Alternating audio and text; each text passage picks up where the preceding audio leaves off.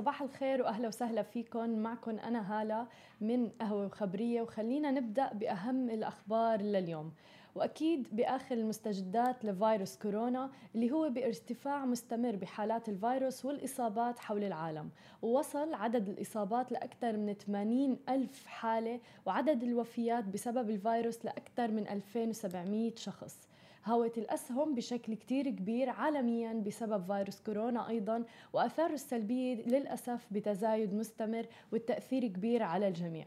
ارتفع عدد المصابين بالبحرين ل 23 حالة وتم تعليق الدراسة لمدة أسبوعين تخوفا من تفشي فيروس كورونا.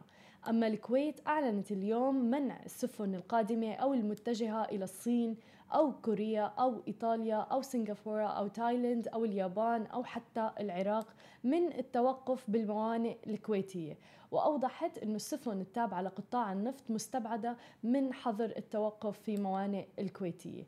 وبيأتي هذا بالتزامن مع إعلان وزارة الصحة الكويتية في وقت سابق عن رصد حالتي إصابة جديدتين بفيروس كورونا بالبلاد مرتبطتين طبعا بالسفر إلى إيران. كما جاء في بيان لوزارة الصحة أنه إجمالي عدد المصابين بالكويت بلغ 11 مصاب حتى الآن. أما الجزائر فسجلت أول إصابة بفيروس كورونا بتعود لمواطن إيطالي. إذا بدنا نشوف الأرقام اللايف حاليا لعدد الإصابات فالصين وصلت لأكثر من 78 ألف حالة آه، كوريا الجنوبية أكثر من ألف آه، حالة آه، إيطاليا 323 حالة يعني امبارح كانت 270 حالة هلأ 323 من 11 حالة وفاة اليابان 161 حالة إيران 95 حالة و16 حالة وفاة. كمان إذا بدنا نجي على البحرين مثل ما قلنا 23 حالة. حتى ألمانيا 18 حالة إصابة بفيروس كورونا بالإمارات 13 حالة إصابة بالعراق خمسة عمان أربعة آه، الهند ثلاثة ويعني آه، الأرقام بتزايد مستمر. آه، حتى وزير الصحة الإيراني أصيب بفيروس كورونا وواشنطن عم تتهم طهران بإخفاء تفاصيل مهمة بهي الخصوص. كشفت تحاليل طبية إيرانية إصابة كل من نائب وزير الصحة الإيراني وأحد أعضاء البرلمان بفيروس كورونا الجديد. بينما عم بتكافح السلطات في إيران لاحتواء تفشي الفيروس اللي أودى بحياة أكثر من 15 شخص في البلاد حتى الآن. وبتعد إيران واحدة من ثلاث مناطق ساخنة خارج الصين سببت بنشر مخاوف من احتمال تحول الفيروس لوباء بهي البلاد. وكان نائب وزير الصحة الإيراني إيراج قد نفى يوم الاثنين أنه تكون بلاده متسترة على مدى تفشي فيروس كورونا في البلاد وقد بدا على نائب الوزير الإعياء وهو عم يتحدث للصحفيين وأشارت التقارير اللي وردت يوم الثلاثاء أنه التحاليل التي أجريت على نائب البرلماني عن العاصمة طهران محمود صادقي أكدت إصابته بفيروس كورونا وأعلنت إيران عن 95 حالة إصابة بالفيروس لكن بيعتقد أنه العدد الفعلي أعلى من هيك بكتير. وقال المدير العام لمنظمة الصحة العالمية أنه الزيادة المفاجئة في حالات الإصابة بإيران عم تبعث على القلق العميق. وقال وزير الخارجية الأمريكي مايك بومبو ثلاثة أن واشنطن تشعر بالقلق من أنه إيران عم تخفي تفاصيل حيوية عن تفشي المرض بإيران. وحث جميع الدول على الإعلان عن المعلومات الحقيقية بشأن فيروس كورونا وقد مات الكثير من الناس جراء الإصابة بفيروس كورونا بإيران أكثر من أي مكان خارج الصين. وبيرتبط البلدين طبعا روابط تجارية قوية بيناتهم بشكل كتير كبير. مثل ما قلنا آه إيران فعلا الأعداد فيها متزايدة آه فيها 16 حالة وفاة 95 حالة إصابة آه و16 رقم كتير كبير. وفعلا هو الرقم الأكبر لحالات الوفاة من بعد الصين اللي فيها حوالي 2700 حالة بس لحالة الصين.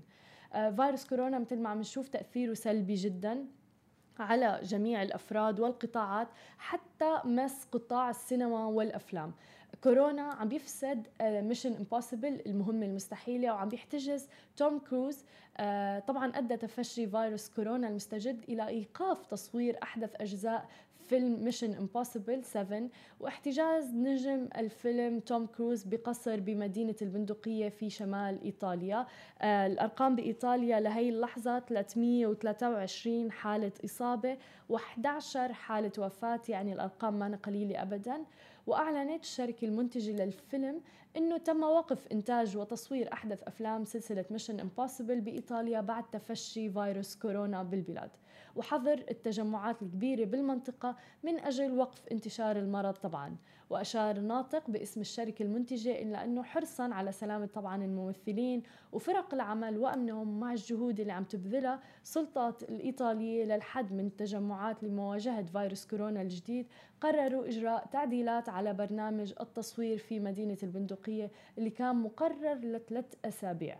وذكرت وكالة فرانس بريس أنه آه بارامونت اللي هي الشركة المنتجة قالت أنه توم كروز ما وصل على إيطاليا وقالت صحيفة ديلي ميل البريطانية أيضا أنه نجم الهوليودي بيحتصم في قصر جريتي آه من فئة خمس نجوم في مدينة البندقية. وأشارت الصحيفة إلى أنه تم إجبار توم كروز اللي وصل إلى البندقية في العشرين من فبراير الجاري على البقاء في الفندق حتى الأول من مارس المقبل بانتظار قرار بشأن المشروع. وفي حين تم تحديد بدء عرض الفيلم في صالات العرض في 23 يوليو 2021 فإنه من المتوقع أنه يتأخر حتى العرض إلى وقت لاحق. بسبب آه، كل هاي التعديلات على إيقاف التصوير وغيرها. مثل ما بنشوف آه، فيروس كورونا تأثيره جدا سلبي آه، على الأفراد على حالات الإصابات والوفيات على سوق الأسهم والبورصة بشكل عام وعالميا يعني سوق الأسهم منهار بالأيام الأخيرة. حتى المشاريع الكبيرة مؤتمرات كلها عم تتكنسل بسبب فيروس كورونا. وأيضا في سياق الأفلام تم الإعلان عن تغيرات أساسية بديزني حيث تم تعيين بوب تشابيك رئيس تنفيذي لمجموعة ديزني الأمريكية. أعلنت مجموعة ديزني الأمريكية للإعلام والترفيه أمس مساء الثلاثاء تنحي بوب إيجر عن منصبه كرئيس تنفيذي للمجموعة على أن يتولى منصب رئيس مجلس الإدارة التنفيذي إلى كما أعلنت الشركة اختيار بوب تشابيك اللي تولى مؤخرا رئاسة قطاع مدن الترفيه ديزني اللي هي Disney Parks and Resorts ليخلف ايجر في منصب الرئيس التنفيذي. طبعا هذا القرار صار لهم عم بيناقشوا فيه سنوات عديدة هو ابدا مو قرار بين يوم وليلة. ويذكر إنه ايجر نجح بالاستحواذ على شركة فوكس آه، بالقرن الواحد والعشرين للإنتاج السينمائي وهي كانت من أكبر النجاحات لإيجر وأطلق طبعا آه، خدمة البث عبر الإنترنت ديزني بلس لمنافسة خدمات أخرى مثل نتفليكس وغيرها. ومن اللافت طبعا إنه بعد هذا القرار أسهم والت ديزني نزلت بشكل كتير كبير نزلت بنسبة 3.6% وكل ما عم تنزل من لما طلع هذا القرار. وتبعا لزملائهم بالعمل بيقولوا إنه تشابيك ما عنده الكاريزما اللي عنده إياها إيجر ولكن هو منظم جدا وذكي جدا. فهل رح يشكل بوب تشابيك خطر أكبر على منصات البث عند الطلب في ظل المنافسة الشرسة بالوقت الحالي؟ طبعا نحن أكيد رح نواكب كل القرارات بشأن ديزني أول بأول ورح نواكبكم فيها.